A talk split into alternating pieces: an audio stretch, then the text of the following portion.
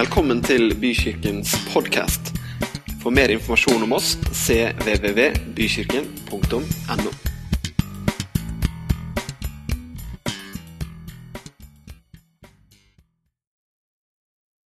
Jeg hadde en opplevelse i India som eh, passer godt til det jeg skal si i dag. Jeg er jo ganske dårlig på hindi. Faktisk helt elendig. Min redning er at de har noen sånne Redning og redning. Det vil si, de gangene jeg føler at jeg forstår litt, er når de kommer med sine innskutte engelske setninger. Har du lagt merke til det? What is the problem? Altså, De har en del sånne engelske fraser som de bare liksom slenger inn i språket. og Det er, liksom, det er de få gangene du, du, føler at du forstår lite grann, i hvert fall. Så det var heldigvis noen av de. Og så var det litt grann urdu som jeg kunne forstå fra, i en og annen setning, men ellers er man ganske sånn borte. Kjent på den følelsen noen gang. Og Så på en av formiddagene når vi skulle, rett før undervisningen, så var det lovsang. Og jeg kunne jo ikke sangen, ikke melodien, ikke språket. Ingenting. Men vi er jo godt opplært. altså Vi reiser oss jo opp og er med i lovsangen. ikke sant? Og så står jeg der og så tar jeg meg sjøl i å synge dette språket. Liksom bare henge med sånn cirka på, på vokallyden, i hvert fall. Det klarer man jo, ikke sant? Og så kjenner jeg en sånn enorm følelse av tilhørighet. En sånn enorm følelse av at jeg er hjemme. Og det slår meg faktisk sånn at jeg sperrer øynene litt opp, for det er akkurat som jeg er litt borte. rett og slett. Altså, det er nesten som om jeg var her i lovsangen eller eh, blant andre venner. Men så kjenner jeg sånn enormt fellesskap mellom søsken som ikke jeg engang kan snakke med. Er ikke det fantastisk? Dere, Vi er en del av et fellesskap. Jeg har lyst til å snakke om fellesskapet i dag. Nå har jeg funnet ut i mellomtiden at, eh, at, det var snakk om fellesskap forrige søndag også, så det er jo kjempefint. Jeg håper ikke jeg skal gjenta det som ble sagt forrige søndag. Det tror jeg ikke. Det er ikke sånn det funker. Men jeg kjente en sånn utrolig sterk opplevelse av at oi, her er jeg blant mine egne. Er ikke det en god følelse, dere? Samme følelsen som når du kommer hjem. vet du. De av oss som fortsatt har foreldre man kan komme hjem til, og, og, spesielt hvis man har foreldre man kan komme hjem til som fortsatt har barndomshjemmet. Noen som kjenner den følelsen? Hvor du vet alt hva som er i den minste lille kroken. Og du kjenner liksom at Ja, jeg vet at den røde tuppevarebollen den står i nederste hylle i hjørneskapet der til venstre. ikke sant? Kjenner den følelsen? Du vet liksom hvor tingene i kjøleskapet er plassert. Vet hvordan det lukter i de ulike rommene? Ja. Fellesskap. Jeg har lyst til å lese to bibelvers som en innledning, og så skal jeg dele noen ting som har med fellesskap å gjøre. I Efeserne 3 så står det Må dere sammen med alle de hellige bli i stand til å fatte bredden og lengden, høyden og dybden, ja, kjenne Kristi kjærlighet, som overgår all kunnskap. Må dere bli fylt av hele Guds fylde. Romerne 12, så står det Nå må jeg lese herfra, for her har vi to forskjellige oversettelser. Vi har én kropp, men mange lemmer alle med ulike oppgaver. På samme måte er vi alle én kropp i Kristus, men hver for oss er vi hverandres lemmer. Fellesskap er ikke en idé som vi har kommet opp med bare for å løse praktiske problemer. Men fellesskap er noe som vi er skapt til i Guds bilde. Paulus skriver at vi sammen med alle de hellige skal være i stand til å fatte bredden, lengden, høyden og dybden. Ja, kjenne hele Kristi kjærlighet. Jeg vet ikke, men Fra tid til annen så møter man jo mennesker som tenker at de har kontroll på alt. Har du møtt noen av de så vet det meste? Og det de ikke vet, de finner, det finner de fram på, på Wikipedia før du har snudd deg. Men dere, når det gjelder å fatte fatte og forstå og klare å ta inn over seg hvem Gud er, og hvor stor kjærlighet hans er, så må vi gjøre det sammen med de andre. Er du med? Vi trenger å gjøre det sammen med de andre. Vi trenger fellesskapet av de troende. Fordi at å forstå hvem Gud er, og hva han har kapasitet til, det er større enn det vi kan ta inn enkeltvis som mennesker. Du kan leve et langt liv med Herren.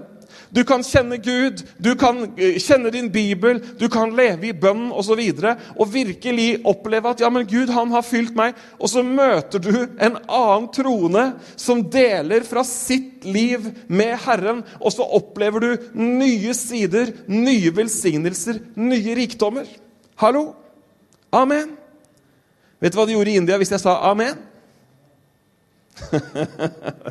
Det var deilig respons der. altså. Du kunne, hvis du glemte deg og sa halleluja, så fikk du hele salen blåst tilbake med en gang. vet du. Sto der og prekte deg litt glad sjøl, og så sa du halleluja, og så halleluja! brølte det tilbake. vet du. Det var god stemning, altså. Nesten som i pinsebevegelsen i Skandinavia. Nei da, ikke helt, men eh, og Slapp av, vi skal ikke prøve å jage opp til noen indiske tilstander her, men du verden så deilig det var at de, at de i hvert fall var våkne. For å si det sånn. Men dere, å fatte vite hvem Gud er, det krever rett og slett et fellesskap for å gjøre det. Det krever mer enn oss sjøl. Dere, et fellesskap, det er et sted der hvor vi er sammen, hvor vi gjør noe sammen, og hvor vi betyr noe for hverandre. Og jeg har lyst til å og, peke på noen sånne, noen sånne korte setninger som sier noe om hvordan det er i et fellesskap. Det er selvfølgelig mange typer fellesskap. Norge, velferdsstaten, er én form for fellesskap. Kjernefamilien din er én form for fellesskap. Kollega, gruppa du tilhører, teamet du tilhører på jobb eller andre steder. Det er ulike former for fellesskap. Og nå snakker jeg selvfølgelig om menighetsfellesskapet, menighetsfamilien. Det som skjer i et fellesskap, er at eh, mange av våre grunnleggende behov de møtes. Troen vår den får næring gjennom forkynnelsen, gjennom fellesskapet med Guds familie. Og Gud han møter oss også emosjonelt ved sin ånd, og han skaper tro inni oss. David, han som har skrevet det aller meste av Salmenes bok, han bruker noen ord på dette fellesskapet, på dette hjemmet, på dette huset. Han sier i Salme 26.: Herre, jeg har elsket din bolig i ditt hus, stedet der din herlighet bor. Litt seinere i Salme 69 så, så sier han Nidkjærhet for ditt hus har fortært meg. Og i Salme 92 så sier han de som er plantet i Herrens hus, de skal spire i vår Guds forgårder, og ennå i høy alder skal de blomstre. Dere, hvordan er det i vårt fellesskap? Hvordan ønsker vi at det skal være i vårt fellesskap? En ting som er et kjennetegn for mange fellesskap, og som også er viktig for oss, det er at vi spiser sammen. Måltid det er en kulturbærer i svært mange kulturer. Ikke minst i den bibelske kulturen så, så ser vi det at Se, han står for døren og banker, og han går inn og holder måltid. Ikke sant? Jesus han eh, drar Sakkeus ned fra treet, og i dag skal jeg gjeste ditt hus. Med andre ord, Sakkeus, vi skal spise sammen. En svenske jeg kjenner, han påstår at Jesus han åt seg gjennom hele Nytestamentet. Fellesskapet rundt måltidet er viktig. Derfor så spiser jo vi her ute hver søndag også. Det er jo ikke bare for å hjelpe deg med måltidsplanleggingen gjennom uka at vi har en eh, buffé her ute så du kan spise litt. Nei, vi tror at det er en viktig del av fellesskapet at vi spiser sammen. Er du med? Kjempeviktig. For det skjer noe. du vet, Det er kjempestor forskjell på å slenge seg ned i sofaen med et par ferdigsmurte blingser. Jeg skal bekjenne at eh, det hender at kveldsmaten inntas på den måten i Eikeveien 1. Men du vet, det er stor forskjell på om jeg smører noen blingser og setter på barne-TV, og vær så god, her er kveldsmaten, og om jeg skrur av TV-en, dekker på bordet og sitter og prater meg gjennom kveldsmaten. Enig i at det er en forskjell? Derfor så sier jeg også at det er forskjell mellom å være i en gudstjeneste med levende mennesker og snakke sammen og be sammen og dele liv, det er noe helt annet enn å sitte og se på en velsignet kristen TV-kanal. Han sa ikke noe gærent om kristne TV-kanaler. Han sa bare at det er ikke det samme som å møtes ansikt til ansikt. Hallo! Veldig mye fint på skjermen, sikkert. Jeg vet ikke, jeg har ikke alle de kanalene. Men jeg sier at det kan aldri erstatte møtet mellom levende ansikter midt i et hverdagsliv. Men du kan bli inspirert. Det kan du absolutt gjøre. Men vi spiser sammen i apostlenes gjerninger. Så, så, så står det i kapittel 42, vers 46, jeg bare leser. De holdt seg daglig med ett og samme sinn i tempelet. De brøt brødet i hjemmene. De åt sin mat med glede og hjertens oppriktighet. Hele tiden lovet de Gud, og de hadde velvilje blant folkene. De åt. De hadde fellesskap. De så hverandre inn i øynene. De delte hverdagsliv, og de delte festlige begivenheter. Og dere, det er viktig å spise sammen. Husker dere historien når Jesus metta 5000? Hvor mange fisker var det, og hvor mange brød var det?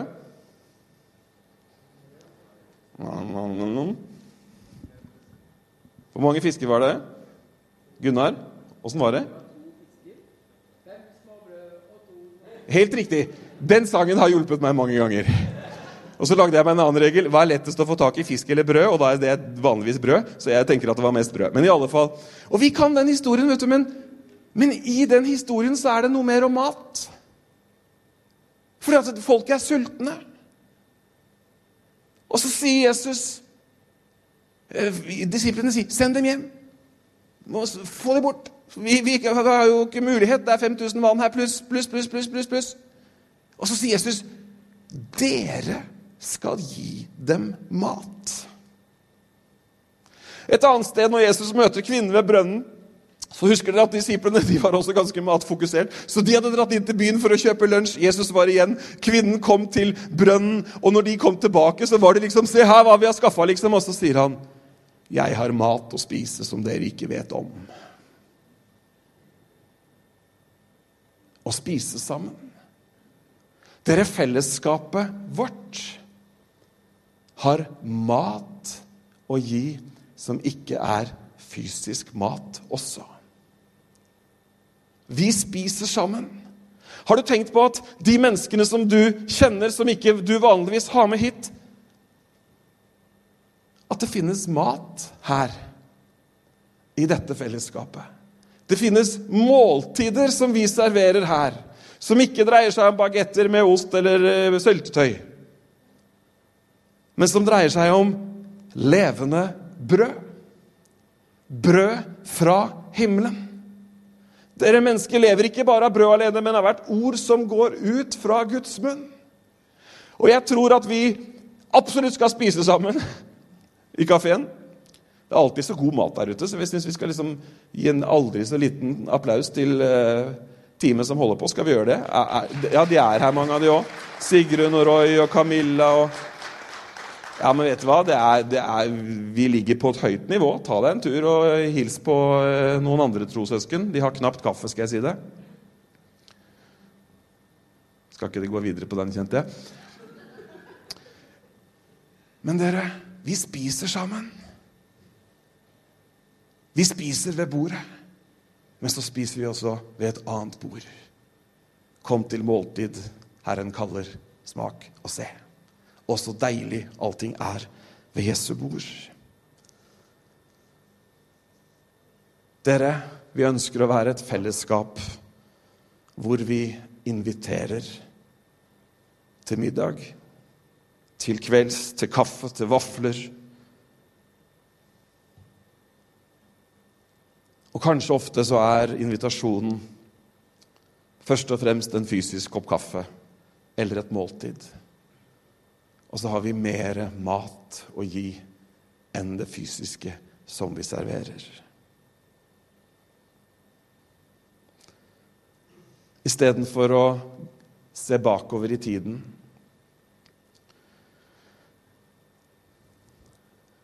og spørre seg selv kritisk ja, når var det egentlig sist jeg inviterte noen til måltid? Enten det var hjemme i stua, eller det var til gudstjeneste. Så jeg har heller lyst til at vi i dag skal se framover. Og tenke et sekund på hvem kan vi invitere? Dere skal gi dem mat, sier Jesus. Vi spiser sammen i fellesskapet. Noe annet som vi gjør i fellesskapet, er at vi bærer sammen. I Bibelen så snakkes det om noen, og de blir regnet som selve søylene. Jakob, Kefas og Johannes.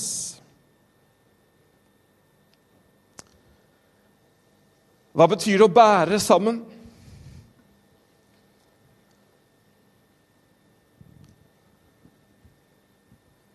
Ofte hvis man spør om bærehjelp, så får man høre om ryggproblemer.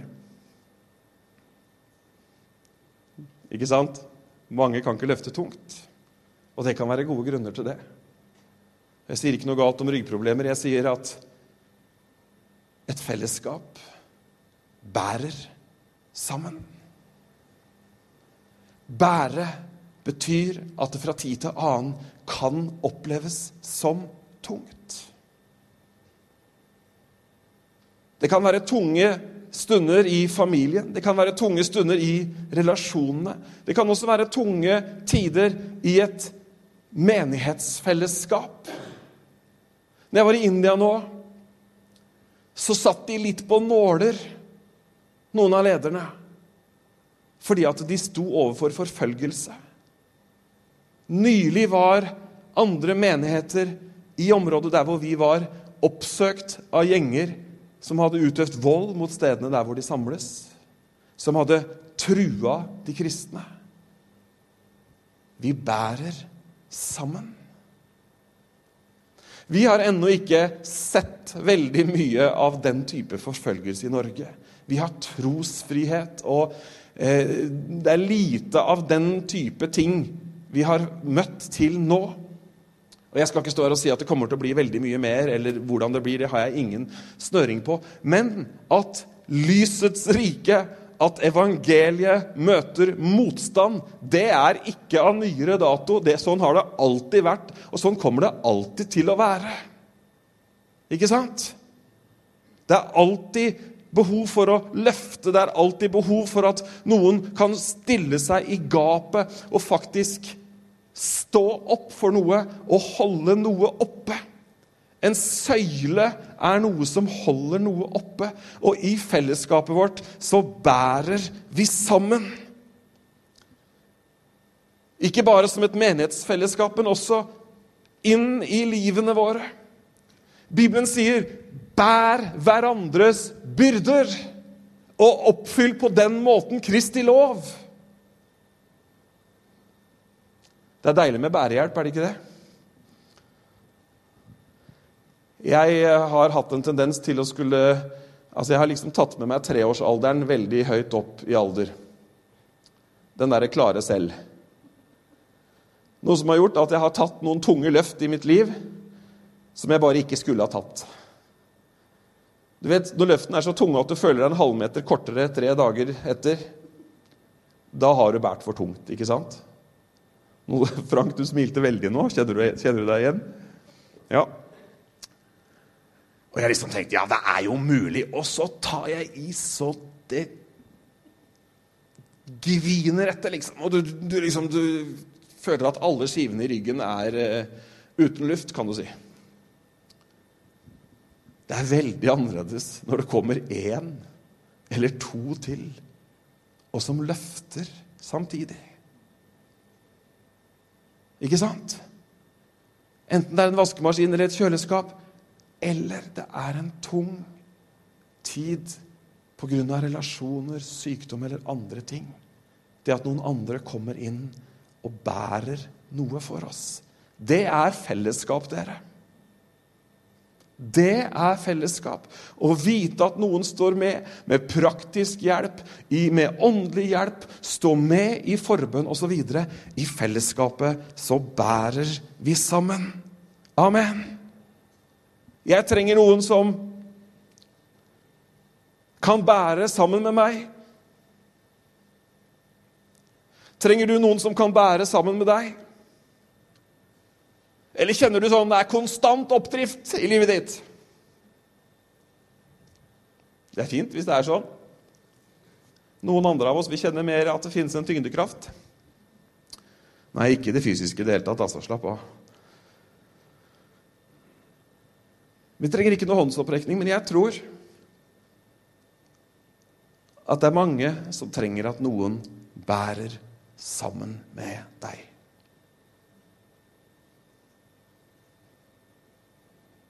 Det kan være en god samtale som løfter deg til sky. Jeg har visse mennesker jeg kan prate med hvis jeg har tatt ti minutter på telefon med dem. Så føles det som jeg har gått ned 15 kilo. Så har du plutselig bare fått et perspektiv til. Så har du bare plutselig fått stilt et par gode spørsmål.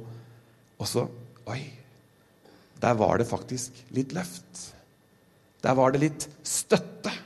Amen. Jeg er så glad for at det finnes sånne støtter her i menigheten.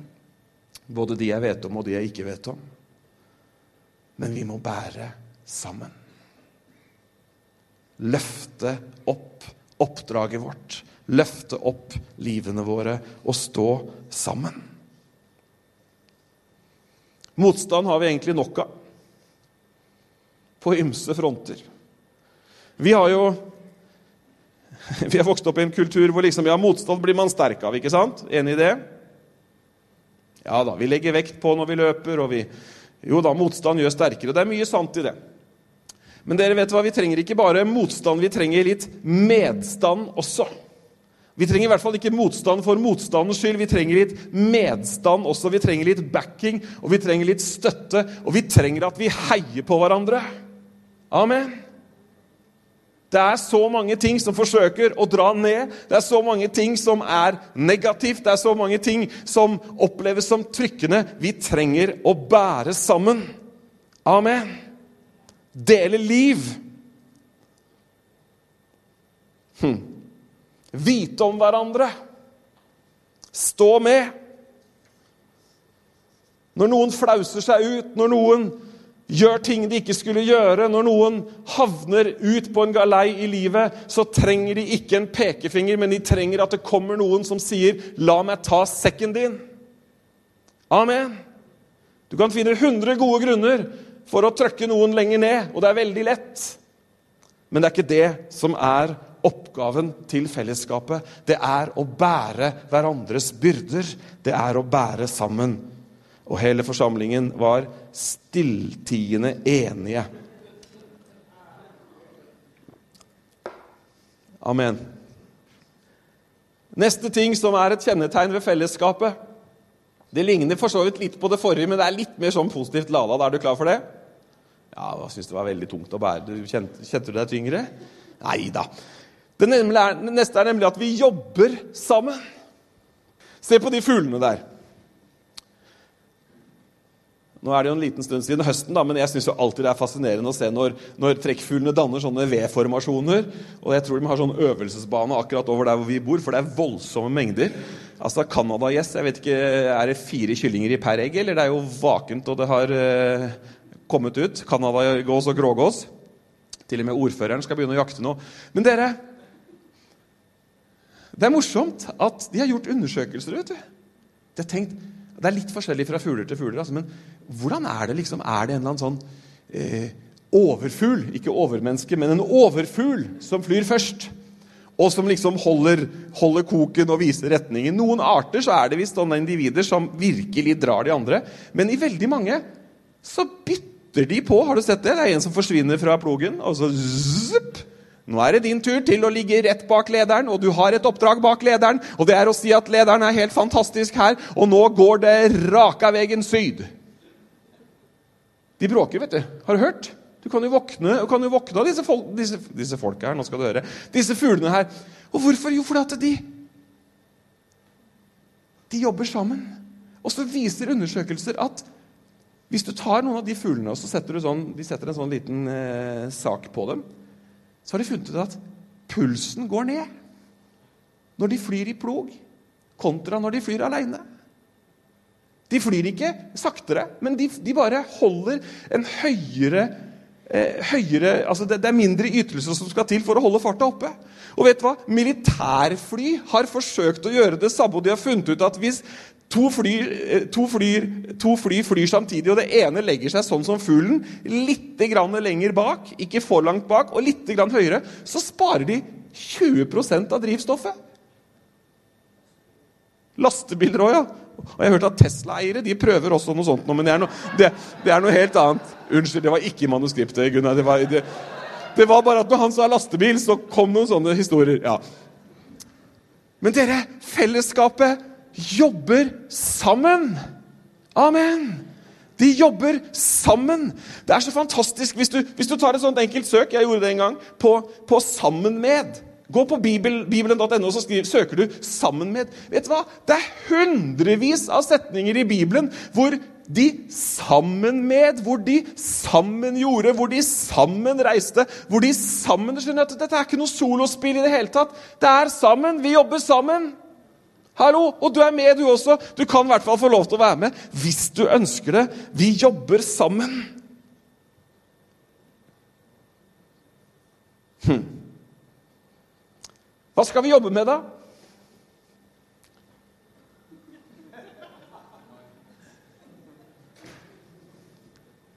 Jeg hadde en bestemor som alltid kalte meg 'gutten i røyken'. og Det er første gangen at jeg har slått til sånn skikkelig.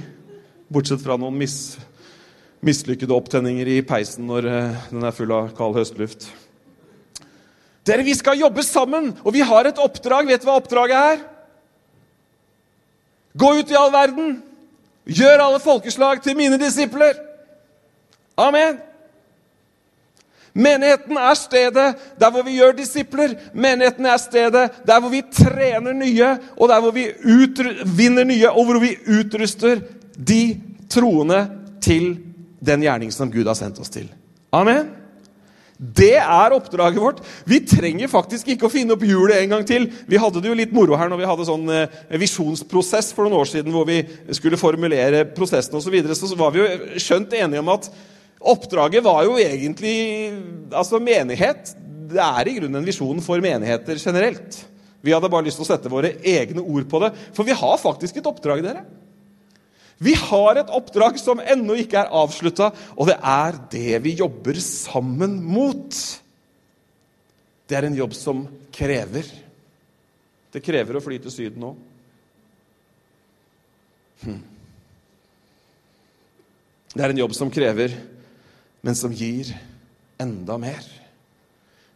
Bibelen sier den som gir andre å drikke, eller den som lesker andre, blir selv lesket. Det er saligere å gi enn å få. Den beste garantien for et sunt kristent liv, den beste garantien for et sunt åndelig liv, vet du hva det er? Det er å være aktivt involvert i oppdraget. Det er å jobbe sammen for å spre Guds rike, for å gjøre disipler.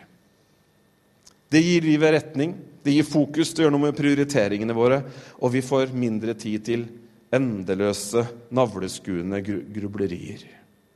Men arbeid er jo ikke alltid lystbetont, er det det? Jeg vet at mange her har jobb som gjør at de gleder seg til hver mandag morgen. Men jeg vet at det er noen som ikke gjør det også, og det er andre typer arbeid enn nødvendigvis lønnet arbeid også. Men selv om ikke det alltid er like lystbetont, så må det gjøres. må det ikke det? Mm, det må det. Hør bare her. Hjemme, f.eks.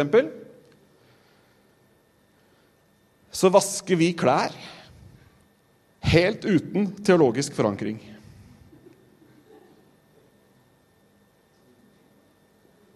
Vi gjør faktisk det, altså. Det er ikke sånn liksom når, eh, når, jeg eller Julia tar oss en runde i vaskekjelleren, så er det liksom på bakgrunn av 5. Mosebok kapittel 3 vers 4, så går vi nå inn i dette rom og tvetter våre klær. Nei, det må gjøres! Det merkelige er at akkurat med klesvasken så hoper det seg opp, selv om man gjør det hele tida. Vi støvsuger faktisk også hjemme, helt uten bruk av åndelig forstand eller dømmekraft. Det må bare gjøres. Ungene de, åpenbares helt uten åpenbar, de bades helt uten åpenbaring i Skriften. Og vi klipper plen helt uten englebesøk. Jobben må gjøres, dere. Føler du alltid veldig mye for å gjøre jobben? Nei. Er det sånn i fellesskapet vårt, i menighetsfellesskapet vårt, at vi skal basere all jobb som skal gjøres, på Er godfølelsen der i dag, dere? Sorry, kjære menighet, det ble ikke noe preken i dag. Jeg følte ikke for det i det hele tatt. Nei, i fellesskapet så gjør jeg min del, og så gjør du din del, og så gjør de andre sin del, og så utfører fellesskapet oppdraget. Akkurat oppe nå så er det en fantastisk gjeng voksne mennesker som uke etter uke Akkurat nå er de i gang oppe. Som underviser barna våre og som, og som har søndagsskole og betweensgruppe osv. osv. Er ikke det fantastisk, da? Ja, det er virkelig verdt en applaus. Og hun som starta applausen, hun har brukt store deler av sitt voksne liv på å arbeide med barna. Og Jeg skal vedde på at hun har ikke hver uke følt seg like sånn 'Å, yes, nå gjør vi det igjen, dere!' Dette er Nei, vi jobber sammen. Amen. Vi jobber sammen i fellesskapet. Hm. Hvilke oppgaver liker du å gjøre? Hm. Jeg tror at Gud har kalt oss til å gjøre ulike ting. Jeg tror noen ganger I noen sesonger så må vi være litt sånn allroundere og liksom ta i et tak der hvor det trengs. I hvert fall så er det sånn hjemme hos oss at Noen ganger så gjør man ting man ikke kan, bare fordi at det må gjøres. Og så har Gud lagt noe ned i deg. En del av jobben som passer deg spesielt godt. Hva er det som passer deg godt? Hvilke jobber liker du? Dere, jeg har eh, litt mer jeg må si. Vi spiser sammen, vi bærer sammen, og vi jobber sammen. Og så er det en ting til vi gjør vi investerer sammen. Frank har sagt det mange ganger når han har sagt noe rundt kollekten. Vil du være med å investere i det vi gjør som kirke? Og samler vi ikke inn til strømregninga? Nei. Og er det ikke bare liksom sånn at vi har litt eh, i lønnsposen? Nei. Vi bruker penger på kirke fordi det lønner seg. Hvordan da? Gud har lovet at han skal velsigne en glad giver. Det lønner seg i velsignelse tilbake, og det lønner seg i Guds rikes framgang. Amen. Det lønner seg i tro som etableres i barn og unge, og som reddes for evigheten. Vi investerer sammen med pengene våre, med ressursene våre, med innsatsen vår, med tiden vår, med kunnskapen vår. Dere, Det er jo helt utrolig hva vi er i stand til å få til. Og hva bedre finnes det å investere i enn å investere i selve oppdraget som Mesteren har gitt oss. Gjøre disipler. Etterfølgere av Jesus både lokalt, nasjonalt og internasjonalt. Er det noe dere som det er verdt å ofre tid og penger, blod og svette og tårer for, så er det for evangeliet. Amen.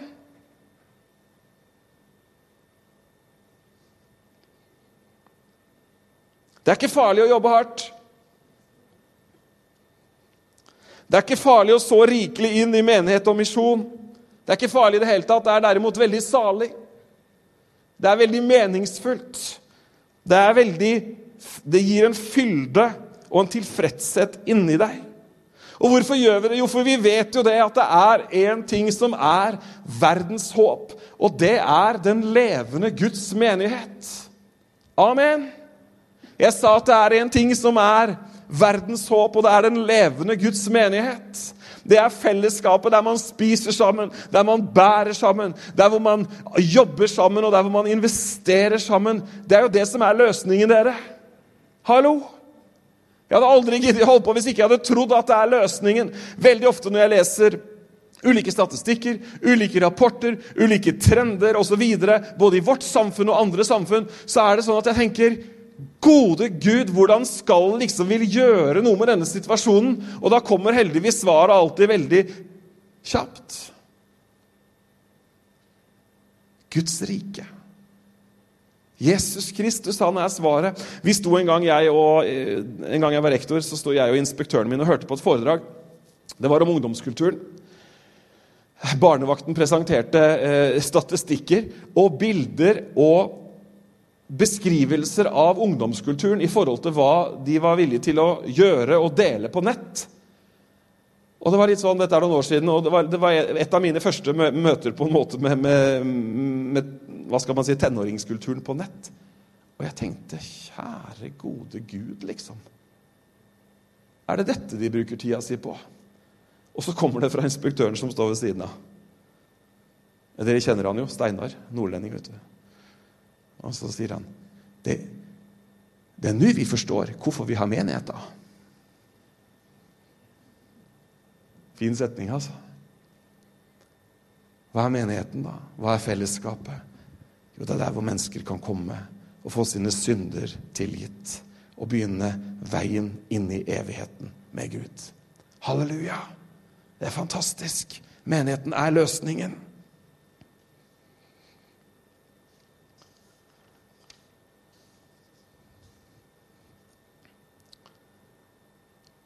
Dere, det er også en annen side ved fellesskap som jeg har lyst til å si noe om. Og det er at i fellesskapet så gråter vi sammen. I menighetsfellesskapet så ønsker vi å være så åpne, så livsnære, at man faktisk kan våge å la masken falle.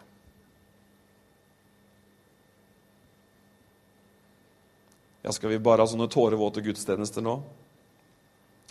Nei, men hvis du føler for å gråte en skvett, og det vet jeg det er noen som gjør, så skal du få lov til det. I samtaler. I fellesskap, enten du snakker med noen på tomannshånd eller nære venner.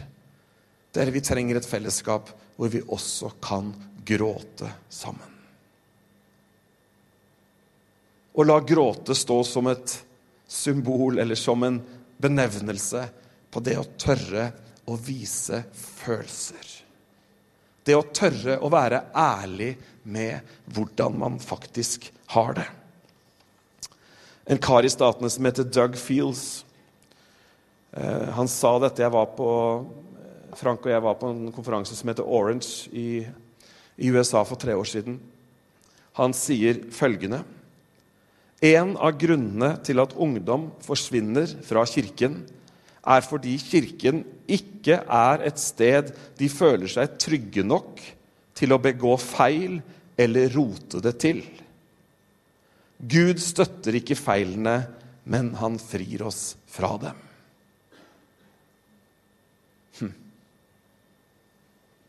Vi ønsker ikke et fellesskap som er et maskeradeball.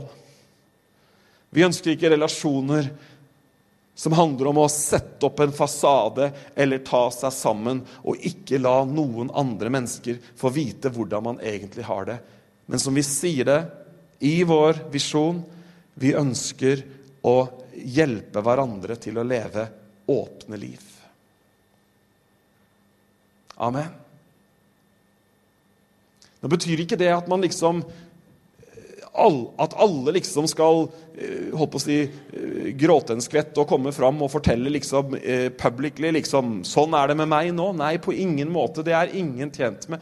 Men at vi er et fellesskap der hvor det å faktisk kunne sette ord på hvordan ting er, tvil, smerte, sykdom, relasjoner, rett og slett livet For det livet det farer ulikt med oss i, i ulike tider. Er ikke det sant, da? Nå kunne jo alle egentlig sagt amen, eller nikka i hvert fall. Og da trenger vi at kirken vår, fellesskapet vårt, er et sted der hvor man faktisk også kan gråte sammen. Hvor man kan våge å vise svakhet, sånn at eh, de andre kan komme og hjelpe. Amen. Du vet En ting som mange av oss frikirkepastorer er skjønt enige om, og som er tragisk, vet du hva det er? Det er at når folk velger å gå fra hverandre, så er vi noen ganger de siste som får vite om det. Det har gått så langt at det er ikke mulig engang å få til en samtale, for de har vært til samtale enten andre steder, eller så har konflikten kjørt seg så langt at, at det er liksom Nei, vi flytter i morgen. Det sier noe, tenker jeg, om at det finnes en manglende et manglende element i kirkefellesskapene som gjør at man ikke tør å gråte sammen, som gjør at man ikke tør å senke lista for å si hvordan ting egentlig er. Og det kan vi jo ikke være kjent av, kan vi vel det? Kan vi det? Nei. Så da må vi ta det ansvaret og faktisk stille noen spørsmål. Slapp av, det er mange som gråter. altså. Det er ikke sånn at vi liksom ikke har sett en tåre i bykirken de siste ti årene. Jeg snakker med folk støtt og stadig, så, så det, det, slapp av. Men vi trenger å ha life-grupper. Du trenger å være med i en life-gruppe.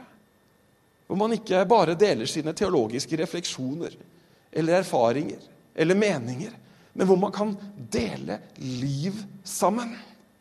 Det er da det er sant at sammen er vi sterke. Hallo?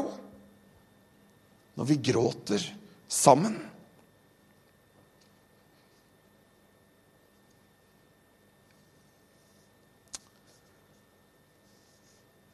Vi skal gå inn for uh, landing snart. Men det er en ting til som er viktig i fellesskapet vårt. Og det er at vi feirer sammen. Har du feira bursdag aleine noen gang? Det er stort stas, gitt.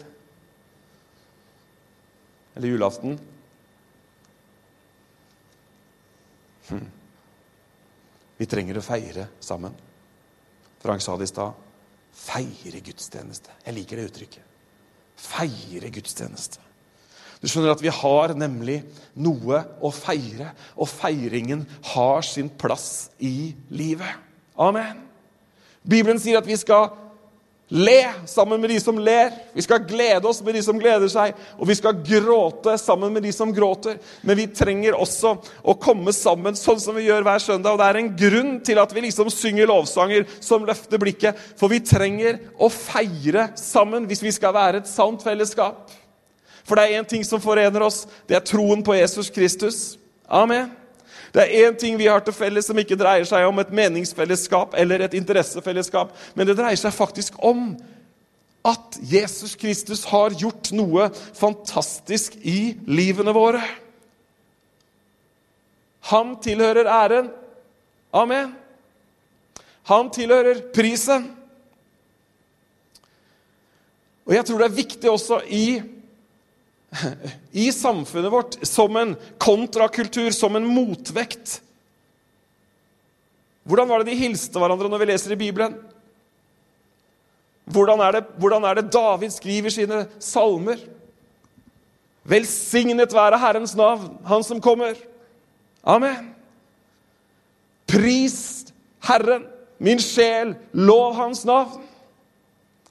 Det skjer noe når vi feirer. Når vi feirer både livet, det at vi kjenner hverandre, det at vi har fellesskap, det at vi har venner, men også det at vi feirer troen vår. Da blir det som om den lyskasteren over livet vårt tennes med sterkt lys, og så er det sånn at stråleglansen fra himmelen, den går oppover oss, og vi kan reise oss og gå i vår rettferdige posisjon. Reis deg i stråleglans, nå kommer ditt lys. Amen. Vi trenger å feire sammen. Vi trenger å ta tilbake noe av det derre litt spontane gledesutbruddet fordi vi faktisk er frelst. Amen. Jeg vet ikke om du har tenkt på det i det siste, jeg vet ikke om nordmenn tenker på det i det hele tatt, men vi er faktisk reddet fra evig fortapelse. Amen. Halleluja. Kjente et fnugg av glede. Vi har faktisk en himmel i vente. Amen. Nå var det en til som våkna. Halleluja. Vi er faktisk fridd ut fra mørkets rike. Amen. Så er vi satt over i Hans elskede sønns rike. Amen. Dere som var uten håp, har nå fått håp.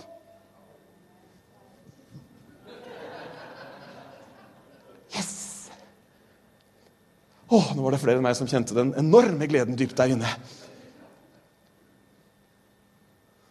Vi feirer sammen. Halleluja. Du vet, vi kan prise Herren midt oppi umulige omstendigheter. Det er ikke å fornekte omstendighetene.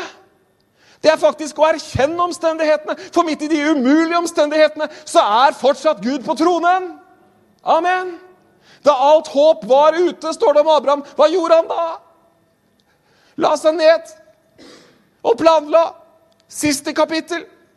Nei, når alt håp var ute, så trodde han med håp. Fordi han regna han som hadde gitt løftet, for trofast. Det er å feire. Det er å regne han som har gitt løftet, for trofast midt i en situasjon hvor ikke du ser trofastheten i det hele tatt.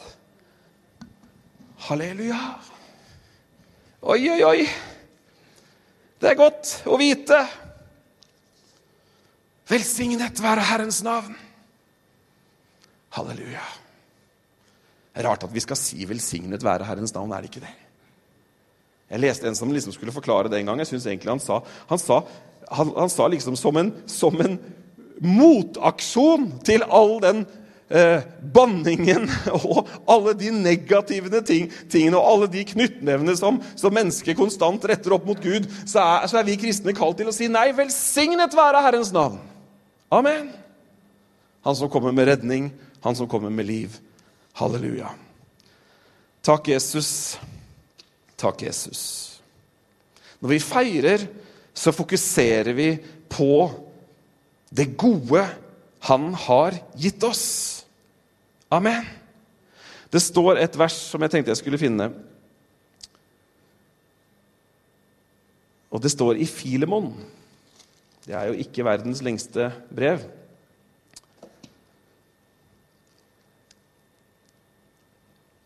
Og Dette er noe av det som feiringen gjør. da, for Der står det Min bønn, sier Paulus, er at samfunnet med din tro må bli kraftig i erkjennelsen eller forståelsen av av alt det gode som er gitt dere i Kristus Jesus.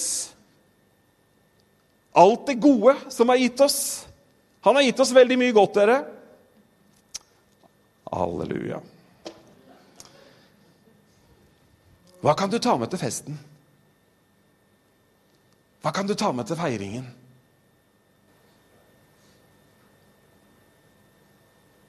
Ditt vitnesbyrd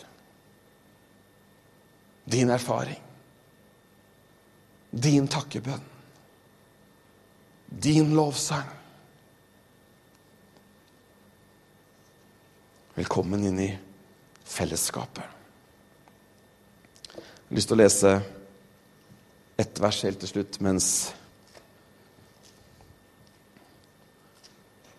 lovsangerne gjør seg klare. Og det står i Hebrebrevet, kapittel 10.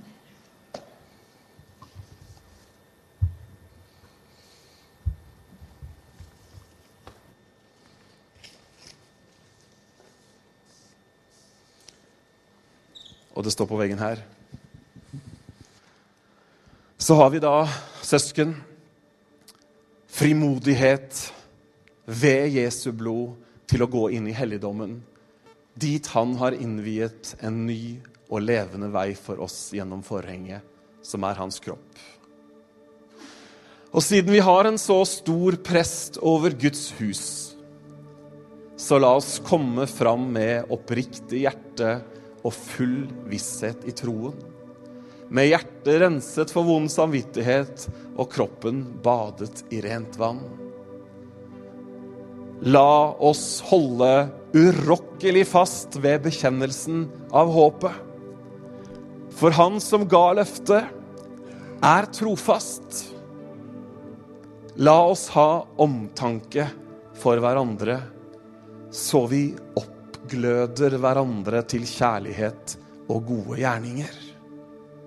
Og la oss ikke holde oss borte når menigheten vår samles, som noen har for vane.